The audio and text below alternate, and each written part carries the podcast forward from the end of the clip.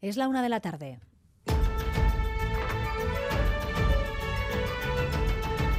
Crónica de Euskadi con María Cereceda.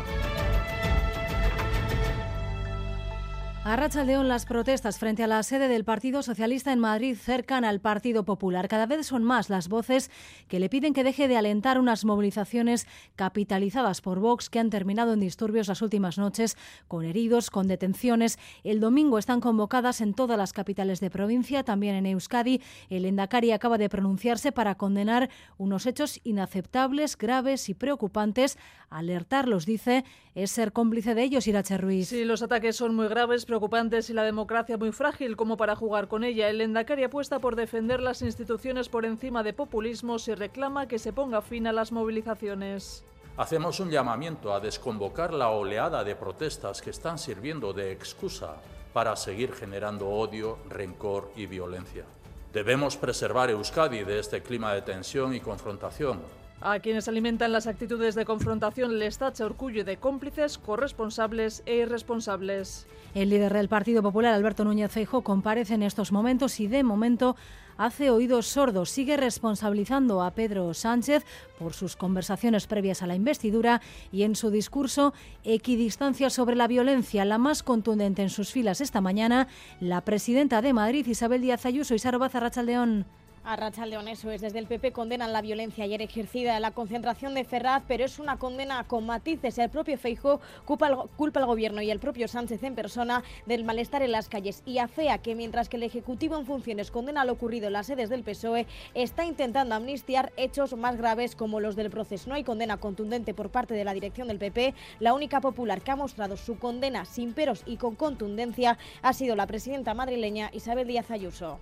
También hoy estamos en Tierra Estella, que sigue de luto tras la muerte ayer de Mateo, de siete años, a manos de su padre. El informe preliminar de la autopsia ya apuntaba que el hombre abrazó al pequeño antes de lanzarse al vacío en el balcón de Pilatos, en la Sierra de Urbasa. Tras la conmoción, hoy la comunidad trata de gestionar el dolor y de acompañar también a la madre del pequeño Aritz Aguirre. Una rosa con un crespón negro recuerda a Mateo en la Icastola Lizarra con la frase Mateo Betirako gure bihotzean. En la peluquería de su madre Guzquiñe, cerrada, abundan los ramos de flores en muestra de solidaridad y cariño. La ciudad de Estella Lizarra y el pueblo de Iguzquiza, donde vivían, afrontan un duelo colectivo, un luto, un dolor que afecta a todo el mundo. Sus vecinos, amigos, tienen una prioridad, arropar a Egusquiñe, la madre de Mateo, y a toda la familia.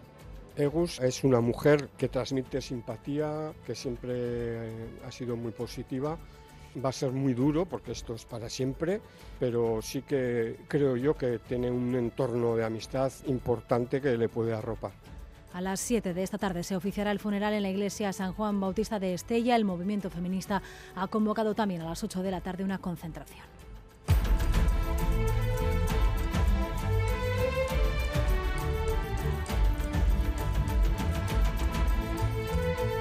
El comercio minorista ha aumentado sus ventas en el último trimestre. Es el dato del Eustat que hemos conocido en el día en que se pone en marcha una nueva campaña de Euskadi Bono Denda, los descuentos del gobierno vasco para incentivar el consumo en estas fechas. Se aplican directamente en los establecimientos, por lo que hoy hemos visto colas en algunos de ellos. Edermenchaca, León.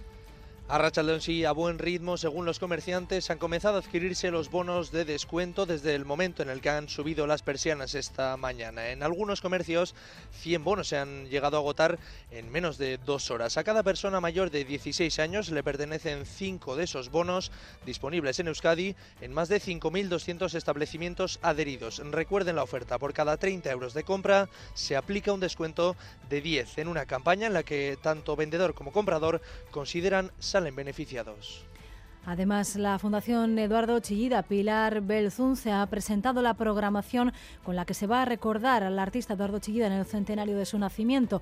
El próximo 10 de enero de 2024 se cumplen esos 100 años y con el objetivo de dar a conocer el legado de este gran artista y escultor se ha preparado una amplia programación con exposiciones, publicaciones, proyectos audiovisuales, educativos y académicos. La programación arranca el 2 de diciembre con la exposición Universo MEC de Lecu y con continuará durante todo 2024 con exposiciones también en Chile o Estados Unidos. El estreno de la obra musical Chillida Elogios de Antonio Laucirica y el documental Ciento Volando, dirigido por Arancha Aguirre, Miquel Chillida, nieto del escultor. Es un programa muy extenso, creo que es importante la profundidad que tiene el programa y lo diverso que es, ya que el Aitona Eduardo era no solo un artista, una persona que se nutría de todas las artes y su programa o el momento que se celebra ese 100 aniversario tiene que ser de la misma manera algo que cruce y algo que, que impacte en todas las distintas y diferentes disciplinas del arte. Y este viernes comienza también la edición número 65 de Cinevi, el Festival Internacional de Cine, Documental y Cortometraje de Bilbao. Y en esa gala inaugural, nuestro compañero Félix Linares va a recibir uno de los premios Miqueldi de honor de este año. El festival reconoce su larga trayectoria profesional ligada al cine y le agradece su profunda relación con Cinevi. En la presentación hemos podido escuchar al propio Félix, que cree que viendo el rumbo que está tomando el cine, los críticos están abocados a desaparecer, pero reivindica su papel porque decía parte del cine. Creo que la figura del crítico es necesaria. A ver, es necesaria en el sentido de que es necesario el cine. El cine no te alimenta, el cine no te cobija. Bueno, sí, te cobija un poco, pero es conveniente porque hace mejor nuestras vidas. Y yo no digo que el crítico esté para hacer mejor las vidas, pero sí para advertir a la gente de lo que se va a encontrar. No obstante, y eso está suficientemente demostrado, lo que haga el crítico no sirve absolutamente para nada, porque ya nadie le hace caso. Félix Linares, que recibe un Miquel de honor a finales de esta semana. Titulares también del deporte. César Pérez Gazola, Zarracha León. de María, la Red Sociedad busca esta tarde ante el Benfica en Anoeta el acceso a los octavos de final de la Champions. Los de Ivanol lo conseguirán si se imponen al conjunto portugués y además en otro partido del grupo el Inter de Milán gana en Austria en el campo del Salzburgo. El técnico Orio Tarra ha podido recuperar para el partido a jugadores que estaban tocados como Zubeldia, Barnechea o Traoré. A las 7 menos cuarto, Real Benfica en Anoeta. Y en baloncesto, cita europea esta tarde en Mirvilla para Biolásquet desde las 8. Los hombres de negro que han ganado sus tres partidos europeos este curso, ganando esta tarde, darían un paso casi definitivo hacia la siguiente ronda. Se enfrentan al Anguil polaco, los actuales campeones de la FIBA Eurocup. En cuanto al tiempo, hoy hemos notado un ligero aumento de las temperaturas, aunque el viento sigue generando sensación de frío en muchos puntos. Según Euskalmet, por la tarde la nubosidad irá en aumento y volverán las precipitaciones, especialmente en el interior y en el oeste de Vizcaya. Hasta ahora tenemos 17 grados en Bilbao, en Donostia y en Bayona y 12 grados en Gasteiz y en Pamplona. En carreteras, precaución hasta ahora en la Vizcaya 637, en la carretera de la avanzada en Leyoa, un coche averiado dentro del túnel ocupa uno de los carriles en sentido Bilbao. Gracias por elegir Radio Euskadi y Radio Vitoria un día más para informarse.